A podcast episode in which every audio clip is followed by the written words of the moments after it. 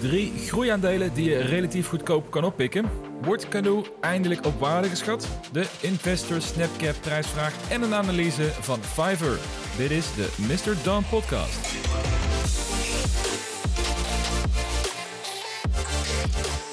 Welkom bij de zesde aflevering van het seizoen. Mijn naam is Jasper en vandaag hebben we een aflevering die helemaal in het teken staat van mijn oude belofte, namelijk om jou te amuseren met investeren. We hadden de vorige week best wel een aflevering met pittige onderwerpen, zoals de impact van het Chinese Evergrande op de mondiale economie en het investeren in een ingewikkeld domein met quantum computing. Dus in deze aflevering ga ik het iets luchtiger houden. Helemaal in stijl met het einde van de zomer, dus nog even genieten van de allerlaatste zonnestraaltjes.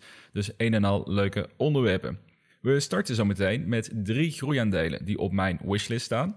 En waarbij de koers is gedaald tot ongeveer hun dieptepunt van de afgelopen 12 maanden.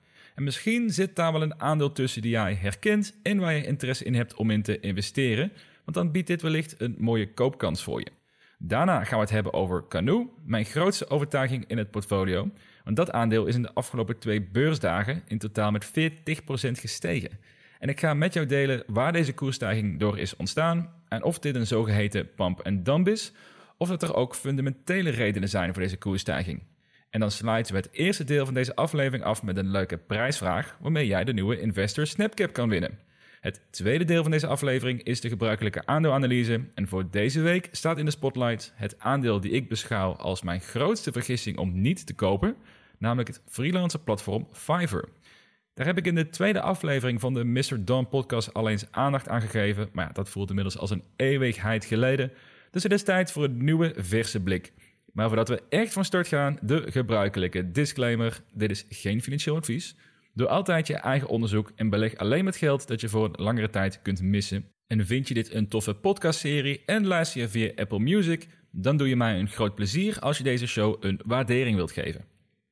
We beginnen deze aflevering met een lekker pragmatisch onderwerp. Ik heb een wishlist met aandelen die ik beschouw als interessante bedrijven om eventueel in te investeren. Dat zijn geen aandelen die ik maandelijks uitvoerig bestudeer, maar ze staan wel op mijn radar om hun koersbeweging in de gaten te houden. En zodra de koers daar aanleiding voor geeft, bijvoorbeeld als de prijs fors is gedaald, nou, dan krijg ik een signaal en dan weet ik zeker dat ik het aandeel niet over het hoofd zie. En nu zijn er drie bedrijven die dat signaal onlangs hebben afgegeven. Dit zijn aandelen die op mijn wishlist staan en waarbij de koers inmiddels gedaald is tot nabij hun dieptepunt van de afgelopen 12 maanden.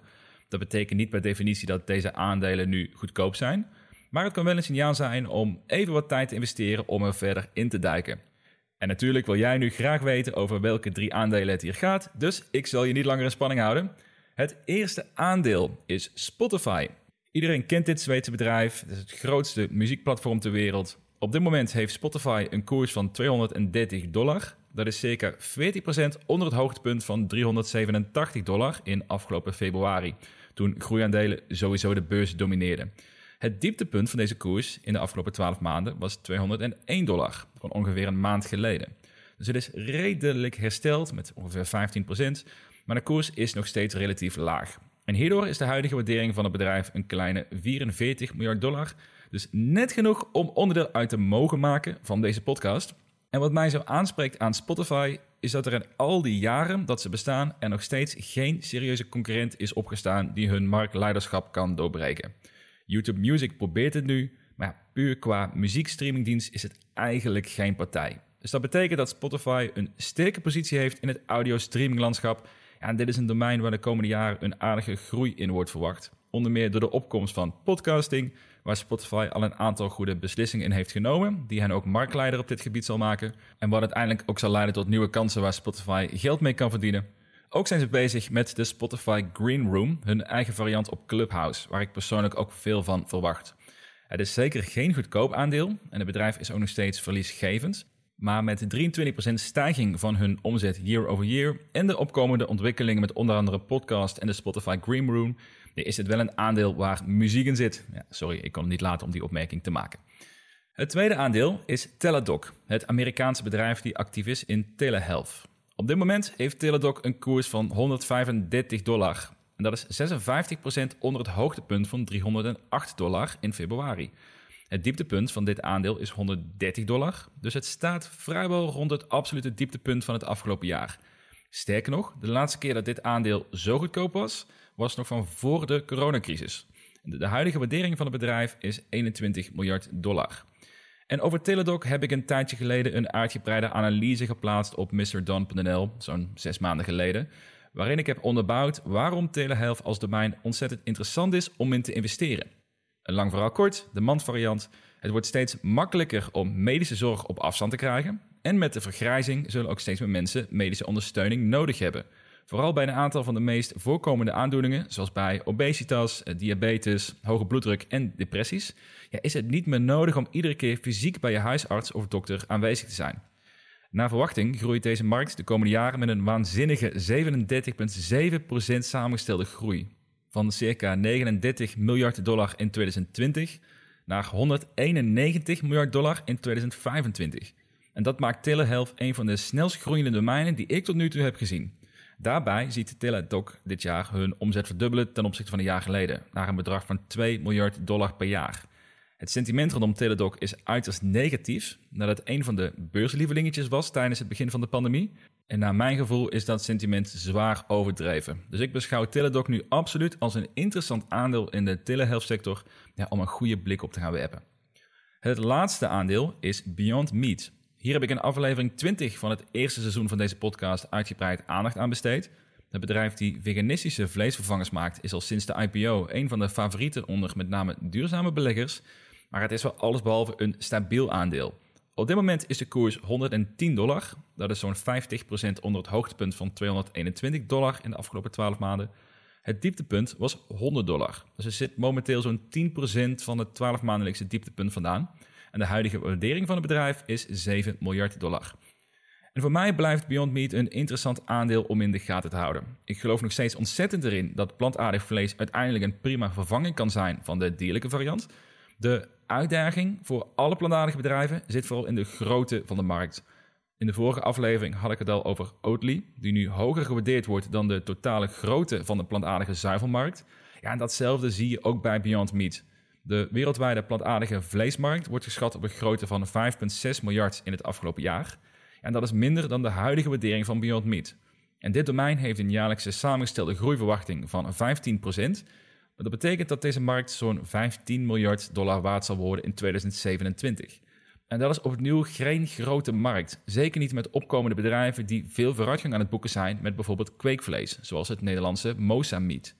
En wat ik heb begrepen, maar wat lastig te bevestigen valt, is dat Beyond Meat hun activiteit rondom kweekvlees heeft stopgezet.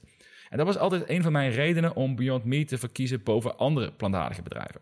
Dus dit aandeel behoeft zeker wat extra onderzoek voordat je besluit te investeren. Maar desalniettemin, als je graag belegt in duurzame bedrijven, ja, dan kan Beyond Meat een interessante optie voor je zijn, waar je nu kan instappen voor een relatief lage koers. Tot zover de drie groeiaandelen die rond hun relatieve dieptepunt staan voor de afgelopen 12 maanden. Als jij nou overtuigd bent geraakt om een van deze aandelen te kopen, laat het mij zeker even weten via Instagram of Twitter. Daar ben ik altijd wel benieuwd naar.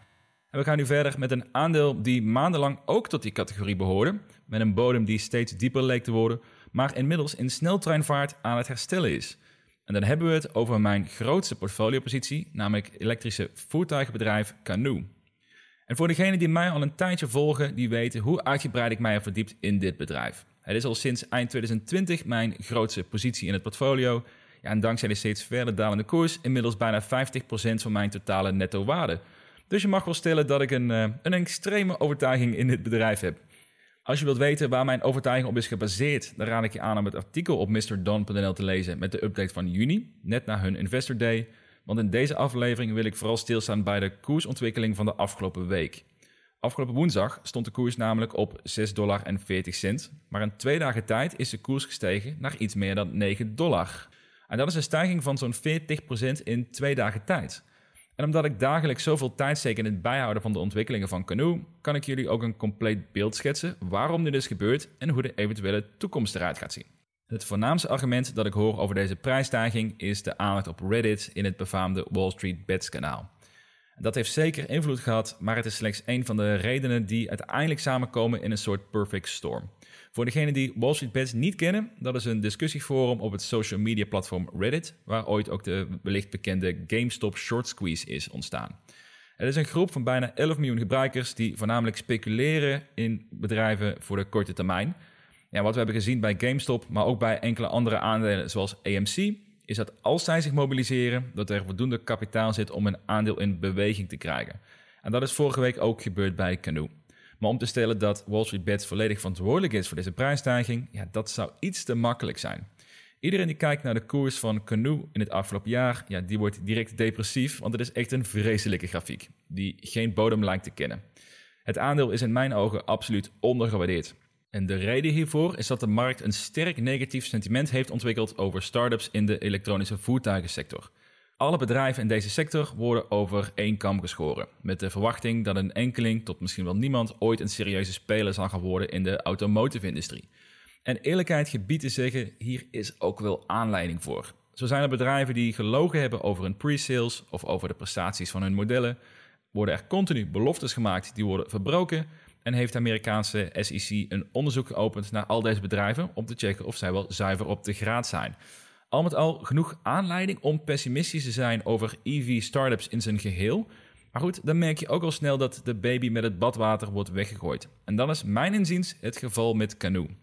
Want als je onder de motorkap kijkt van dit bedrijf, ja, dan zie je dat er eigenlijk ontzettend veel positieve ontwikkelingen zijn. In de tussentijd zijn er mensen op senior en managementniveau aangetrokken waar je u tegen zegt, uh, letterlijk. Uh, onder meer de voormalige vicevoorzitter van het World Economic Forum, Josette Sheeran, die is de nieuwe president van Canoe, maar ook de Chief Information Officer van Salesforce, de Vice President of Customer Service van Mercedes-Benz, de Head of Logistics van NIO en nog veel meer. Ja, dit zijn mensen die niet naar een start-up zoals Canoe overstappen, tenzij er echt een uitstekend verhaal ligt voor de toekomst. Maar goed, door de sceptisch over EV-bedrijven is er een enorme interesse ontstaan vanuit investeringsfondsen om een short-positie in te nemen tegen onder meer Canoe, waarmee zij anticiperen op verdere koersdaling. En ook al kan dit de koers op korte termijn flink naar beneden trekken, dit mes snijdt wel aan twee kanten. Want als de koers wel stijgt, zeker als dat onverwachts in een korte tijd gebeurt, ja, dan kunnen diezelfde fondsen verplicht worden om hun shortpositie te sluiten. En om dit te doen, moeten zij aandelen kopen tegen de huidige marktprijs, wat de koers dus weer doet stijgen. En hoe hoger de koers, des te minder fondsen er overblijven die hun shortpositie durven vast te houden. Dat kan ervoor zorgen dat de koers in een korte tijd enorm stijgt, ook wel een short squeeze genoemd, want de shorts zitten simpelweg in de tang. En als ze hun shortpositie niet sluiten, ja, dan kan het leiden tot enorme verliezen. Nou, door de aandacht vanuit Wall Street Bets en de hoge shortinteresse is dit proces in eerste instantie op gang gekomen. Voor de volledigheid, dit is op geen enkele manier te vergelijken met bijvoorbeeld een GameStop. De koers gaat echt niet opeens maal 100 in een maand tijd, want die setup met GameStop was vele malen extremer.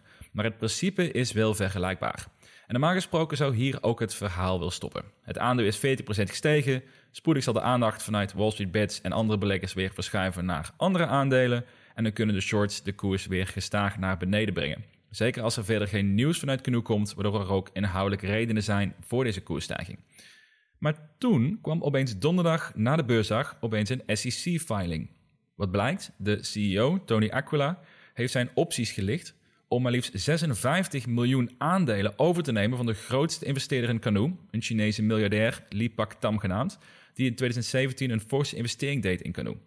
Met het eerste recht om de resterende 23,5 miljoen shares over te nemen in de komende zes maanden.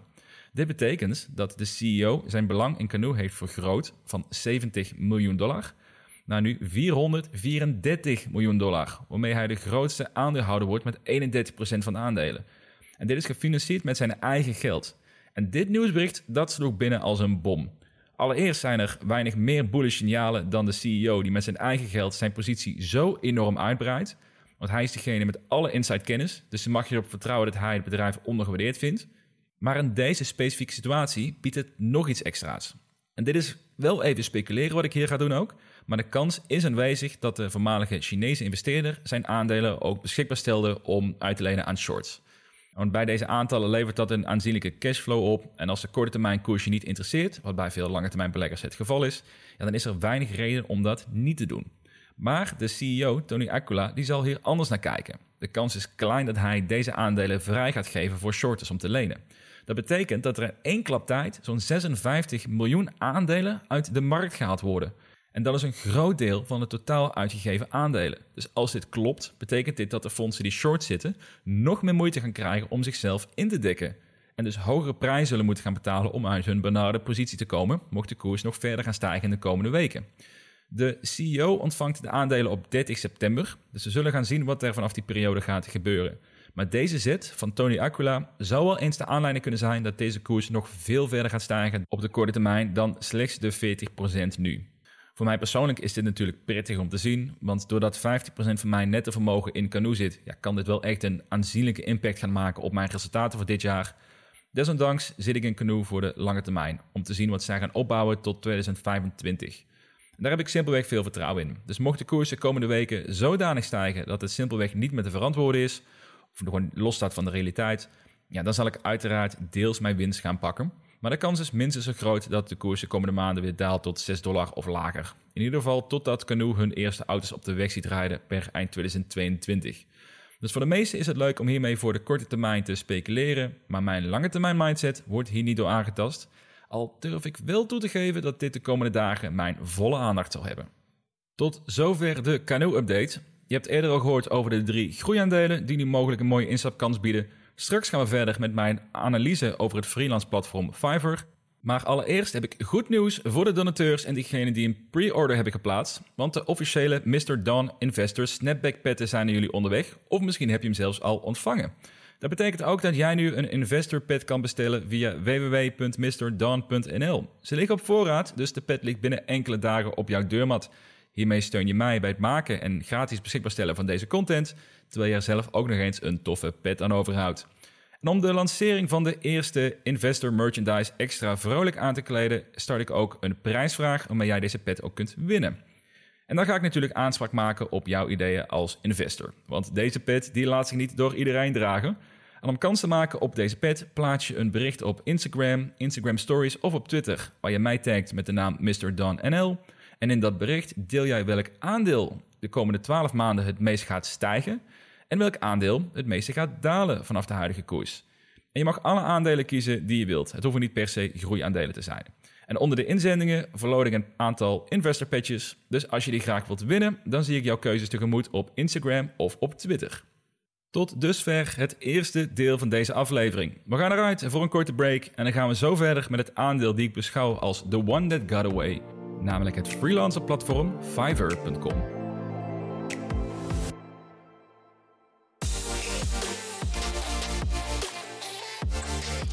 Het is tijd voor de aandeelanalyse van de week. Als ik je zou vertellen dat het logo van Mr. Dawn, de nieuwe podcast cover afbeelding en de cover van het Jouw Eerste Aandeel e-book mij in totaal minder dan 250 euro heeft gekost, wat zou je daarvan vinden? Of misschien mag ik het nog iets scherper stellen zelfs. De drie designs hebben mij namelijk minder dan 100 euro gekost. En dat is volledig te danken aan het aandeel van vandaag, namelijk het freelancer platform Fiverr met tickersymbool FVRR. Ik heb al zo vaak gebruik gemaakt van dit platform dat het eigenlijk een kleine schande is dat ik hier nog niet in heb geïnvesteerd. En eerlijkheidshalve, ik beschouw Fiverr als the one that got away. En gedurende deze analyse zal ik je toelichten wat ik hiermee bedoel. Zoals gebruikelijk ga ik je zometeen eerst vertellen wat Fiverr doet, hoe hun businessmodel eruit ziet en of het managementteam wordt gewaardeerd. Dan werpen we een blik op de financiële resultaten, waaronder hun omzet, de groei en de financiële gezondheid van het bedrijf. Uiteraard slaan we ook de huidige waardering niet over, want we kopen graag goede bedrijven voor een redelijke prijs. Om af te sluiten met een bear and bullish case met een afrondende conclusie, waarbij uiteraard de vraag centraal staat: mag Fiverr in het illustere rijtje van gouden aandelen? Maar laten we beginnen met een introductie van het bedrijf. Fiverr is een marktplaats waar freelancers hun diensten aan kunnen bieden. Het aanbod is behoorlijk divers. Dus je hebt grafische designers die een logo, een website of een presentatie voor je kunnen ontwerpen. Maar je hebt ook marketingspecialisten, audio- en videoproducers, schrijvers, ja, tot zelfs mensen die een persoonlijk beleggingsplan voor jou in elkaar kunnen zetten. Al kan ik mij natuurlijk niet voorstellen waarom je die laatstgenoemde dienst nodig hebt met bijna 50 afleveringen van de Mr. Don podcast die gratis beschikbaar is. Nou goed, een geintje natuurlijk, maar het geeft wel aan hoe divers het aanbod aan freelancers is op dat platform. Waar het succes van Fiverr grotendeels vandaan komt, is dat zij een platform hebben gecreëerd waarbij het ontzettend eenvoudig is om met elkaar zaken te doen. Stel je voor dat je graag een logo wilt voor je bedrijf of voor een hobbyproject. Dan heb je momenteel de keuze uit maar liefst 226.000 freelancers die jou daarbij kunnen helpen. En hieruit blijkt hoe groot Fiverr wereldwijd is. Gelukkig werkt Fiverr met een ratingsysteem waar jij als kopende partij een review kan geven na afronden van het project En omdat de transactie dan al heeft plaatsgevonden, is er ook geen reden om een rooskleurige review te geven dan nodig. Ook kunnen freelancers zichzelf verifiëren bij Fiverr en bouwen ze een online reputatie op, waardoor je eenvoudig de sterspelers van het platform kunt identificeren. En omdat bij iedere opdracht duidelijk staat aangegeven wat jij ervoor terugkrijgt als koper, met voorbeelden van eerder uitgevoerd werk, zijn de wederzijdse verwachtingen vooraf helder geschetst. Ik maak er zelf regelmatig gebruik van en ben eigenlijk nog nooit teleurgesteld door het opgeleverde werk, zolang je maar de tijd neemt om goed te kijken met wie je gaat samenwerken. Als investeerder is het natuurlijk belangrijk dat je het verdienmodel goed begrijpt. En ook dat is een voordeel bij Fiverr. Het is namelijk ontzettend transparant en eenvoudig om te snappen. Het werkt als volgt. Als freelancer kan jij je diensten aanbieden. Laten we zeggen eh, dat je 100 euro vraagt voor het maken van een logo. Een koper is dan bereid om het logo-design bij je af te nemen en betaalt hiervoor een service fee van 5,5% aan Fiverr om gebruik te mogen maken van het platform.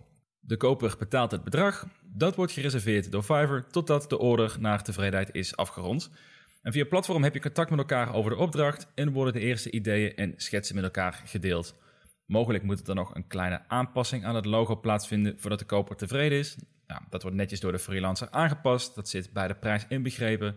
Het logo wordt ingediend en de koper geeft dan een akkoord op de opdracht. Vanaf dat moment is de opdracht afgerond. Fiverr betaalt 80% van die 100 euro die jij betaald hebt aan de freelancer. Dus het bedrijf houdt er de 20% marge plus de 5,5% service fee aan over. Daarnaast biedt Fiverr de mogelijkheid aan freelancers om te adverteren op het platform. Met de zogeheten promoted gigs kan je betalen per klik op jouw profiel of opdracht. Beetje vergelijkbaar met Google AdWords. En afhankelijk van je kost per klik, hetgene hoeveel je wilt betalen per klik, krijg je een betere positie op de aanbodpagina's. En net zoals bij Google, als je echt veel business wil doen, nou, dan dien je sowieso op de eerste pagina's zichtbaar te zijn. En dat kan op twee manieren, of door geweldige reviews te hebben, of dus door het adverteren van je opdrachten. En het feit dat veel freelancers er een fulltime salaris aan overhouden aan een activiteit op Fiverr, dat geeft wel aan de hoeveelheid potentiële kopers die op het platform aanwezig zijn. Er zijn zelfs bedrijven zoals Unilever die actief gebruik maken van het freelancer aanbod op platform. En ik snap ook heel goed waarom. Het is ontzettend eenvoudig. Je selecteert makkelijk de sterspelers op het platform en je hebt voor een relatief lage prijs al heel snel een prima eindresultaat. Als ik mijn Mr. Don logo's en covers had moeten laten maken door een professionele designer, ja, dan was ik makkelijk het vijf tot tienvoudige kwijt geweest, zonder dat de kwaliteit per se beter zou zijn geweest. Oftewel, het is een geweldig platform voor snelle freelance klusjes. En ik heb eigenlijk geen enkele reden om ooit nog een lokale designer te zoeken voor het gros van mijn klusjes. Want laten we ook even kijken naar de concurrenten van Fiverr. Dan zien we eigenlijk maar één vergelijkbare speler. En dat is het bedrijf Upwork. Beide bedrijven bieden freelancers de gelegenheid om hun diensten aan te bieden. En de platforms zijn vrij vergelijkbaar met elkaar. Het grootste verschil is dat Fiverr zich meer richt op de eenmalige klusjes met een vast bedrag waar Upwork hun freelancers meer stuurt richting grotere projecten en ook meer richting de uurtarieven. Ook heeft Fiverr meer freelancers die voor absolute bodemprijzen hun dienst aanbieden en richt Upwork zich meer op de lange termijn relaties tussen freelancer en de koper. En omdat de prijzen gemiddeld hoger liggen op Upwork, zie je ook dat daar de iets inhoudelijk sterkere freelancers naartoe bewegen. Dus voor klusjes waar kwaliteit cruciaal is, zal je licht eerder voor Upwork kiezen, maar als snelheid en prijs belangrijk is voor een prima kwaliteitsniveau, dan is Fiverr al snel de betere keuze. We laten nog iets verder op het bedrijf inzoomen. Fiverr is opgericht in 2010 in Israël door Mika Kaufman en Shai Winiger. En Kaufman is nog steeds actief bij het bedrijf. Hij is betrokken als de huidige CEO. En daarmee hebben we meteen een belangrijk puntje afgevinkt, namelijk dat de founder nog steeds een actieve rol in het bedrijf heeft. De andere co-founder, Winiger, is niet meer actief onderdeel van Fiverr. Hij heeft namelijk in 2015 het beursgenoteerde bedrijf Lemonade mede opgericht. Als we dan kijken naar de reviews op Glassdoor, dan zien we een sterk positief sentiment over het managementteam. De CEO, Kaufman, wordt gewaardeerd door 91% van de werknemers. En maar liefst 88% geeft aan dat zij het bedrijf zouden aanbevelen bij een kennis. Hieruit blijkt opnieuw hoe belangrijk het is dat de oorspronkelijke oprichter betrokken blijft bij het bedrijf. Maar goed, dat zeg ik iedere week. En het bedrijf heeft vier kantoren in de Verenigde Staten, een kantoor in Londen, Berlijn en in Tel Aviv. Sinds begin dit jaar werken er 545 mensen bij het bedrijf. En het afgelopen jaar zijn ze begonnen met het lanceren van de site in meerdere talen. Iets wat tot voor kort beperkt bleef tot het Engels. En hiermee willen ze de volgende stap zetten om ook internationaal te groeien. En waarom niet? Want de kracht van freelancers met dit soort diensten die ze aanbieden, ja, is juist dat locatie geen enkele rol speelt, mits er uiteraard goed gecommuniceerd kan worden met elkaar. Dus dit is een logische zet van Fiverr en geeft aan dat zij vinden dat hun platform klaar is om te gaan schalen. Dus om deze groei te ondersteunen, heeft Fiverr in 2019 hun IPO gemaakt aan de New York Stock Exchange. En verderop in deze analyse werpen we uiteraard een blik op de huidige waardering en de koersbewegingen sinds die beursgang. Nou, dat was een uitgebreide introductie van Fiverr, een bedrijf geleid door de oorspronkelijke oprichter. Ze hebben een uitstekend platform gecreëerd voor een sterk groeiende groep aan freelancers. Dus laten we nu een blik gaan werpen op de financiële cijfers van het bedrijf. In begin augustus heeft Fiverr hun Q2-resultaten gedeeld. Het afgelopen kwartaal hebben ze een omzet behaald van 75,3 miljoen dollar. En dat is een 60% groei vergeleken met Q2 van 2020. Voor geheel 2021 heeft het managementteam een verwachting afgegeven van 285 miljoen dollar aan omzet. En dat zou een groei van 50% betekenen ten opzichte van vorig jaar. Dus een aanzienlijke stijging. En voor de volledigheid, dit is omzet na het betalen van de freelancers. Dus de circa 25% die als gezamenlijke fee wordt betaald door de koper en verkoper. Op deze omzet behalen ze een bruto marge van 84%, wat erg netjes is en wat dit soort bedrijven dan ook aantrekkelijk maakt.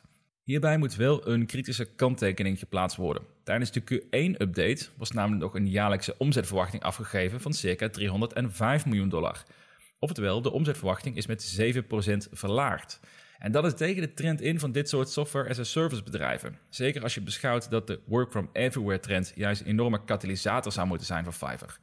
Een verwachte omzetstijging van 50% dit jaar is nog steeds erg netjes, maar dit zal wel als een tegenvaller ervaren zijn door de huidige beleggers. En dat is ook te merken geweest aan de koers vanaf, de, uh, vanaf het moment van de Q2-earnings.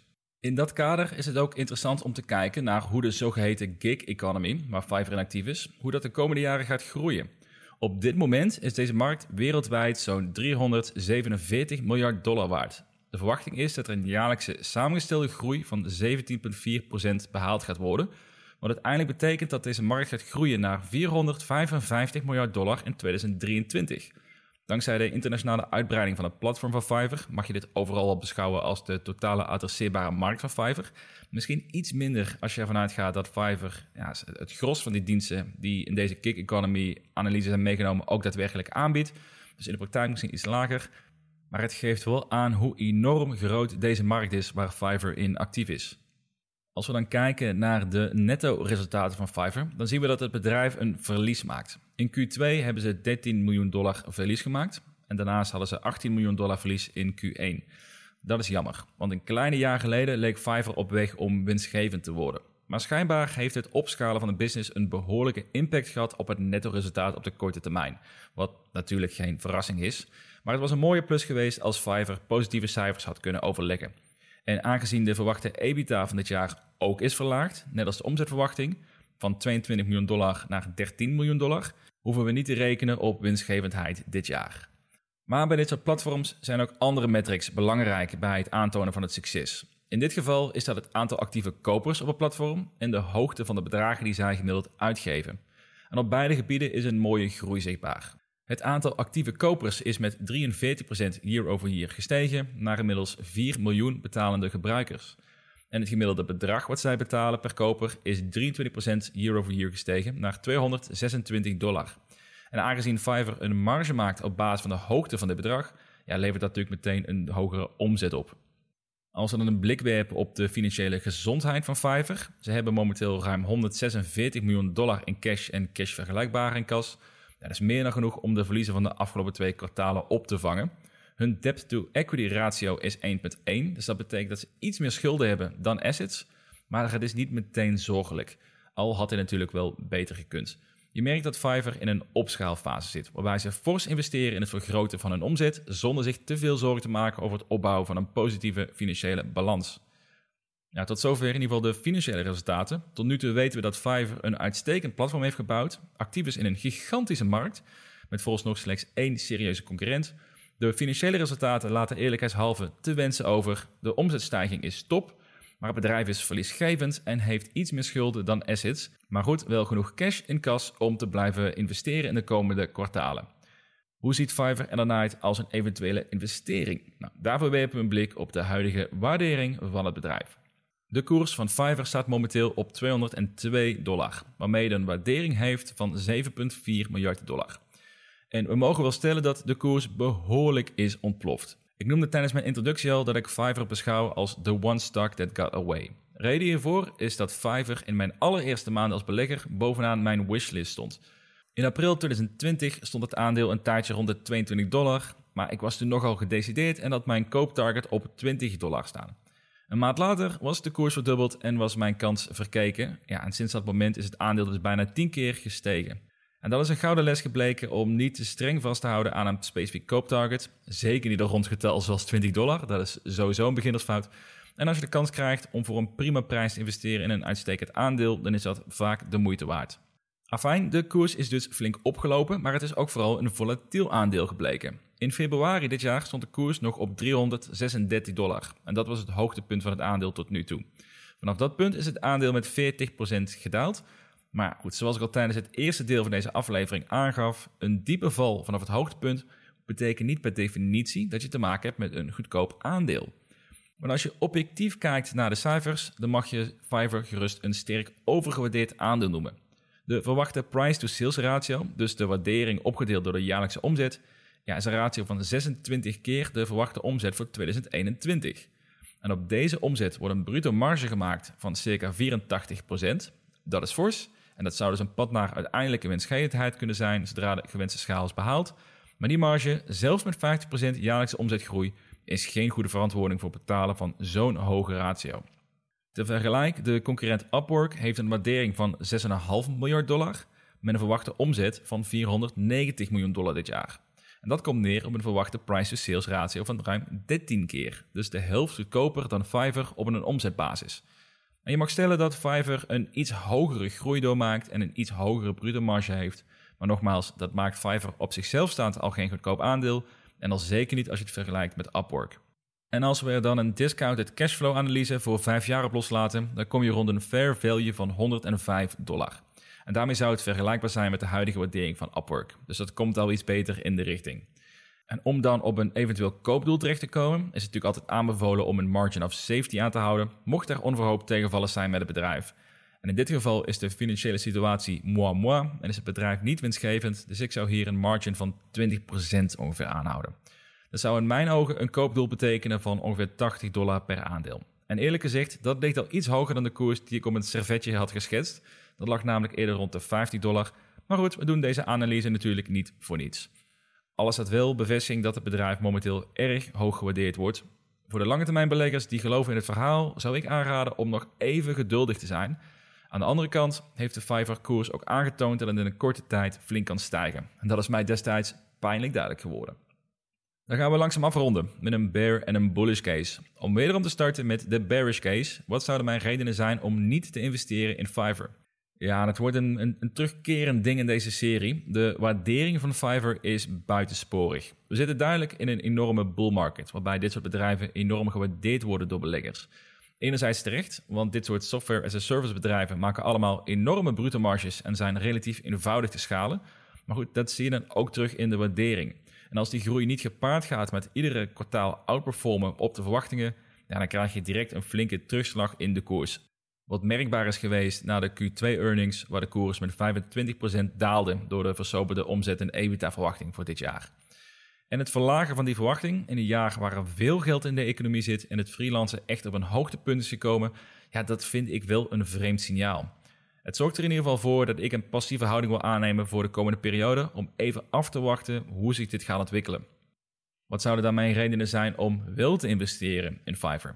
Nou, de gig economy is echt enorm en zal ook de komende jaren fors blijven groeien. We zijn in een economie terechtgekomen met z'n allen, waar we hebben geleerd dat fysiek met elkaar samenwerken niet per se nodig is om succesvol te zijn. Er staan bedrijven op die een remote-first overtuiging hebben en Fiverr heeft een van de beste platforms om een groeiende groep aan freelancers te helpen en een sterk extra verdienmodel. Het platform zit goed in elkaar, je hebt de mogelijkheid tot adverteren en er is een enorme aanwas aan potentiële kopers. En ik moet mij sterk vergissen als Fiverr de komende jaren geen forse omzetgroei blijft realiseren. Daarnaast heeft Fiverr een aantal positieve elementen in het bedrijf. De oorspronkelijke oprichter is de huidige CEO, die sterk gewaardeerd wordt door de werknemers. Er is voldoende cash beschikbaar om de komende kwartalen te blijven investeren in marketing en sales. En de hoge bruto marges zorgen ervoor dat Fiverr relatief eenvoudig winstgevend kan worden zodra zij tevreden zijn met de schaal die ze hebben bereikt. Dan zijn we aangekomen bij de eindconclusie. Is Fiverr dan een gouden aandeel? Nou, misschien moet ik mijn aandelen selectieskills voor deze podcast iets gaan bijstellen, want ook in dit geval kan ik het geen gouden aandeel noemen. Daarvoor wil ik namelijk eerst een duidelijk pad zien naar winstgevendheid, bewijs dat zij een omzetgroei de komende jaren kunnen behouden. Ik wil niet meer zien dat ze hun guidance naar beneden aanpassen, want dat is gewoon verbazingwekkend eigenlijk in deze markt.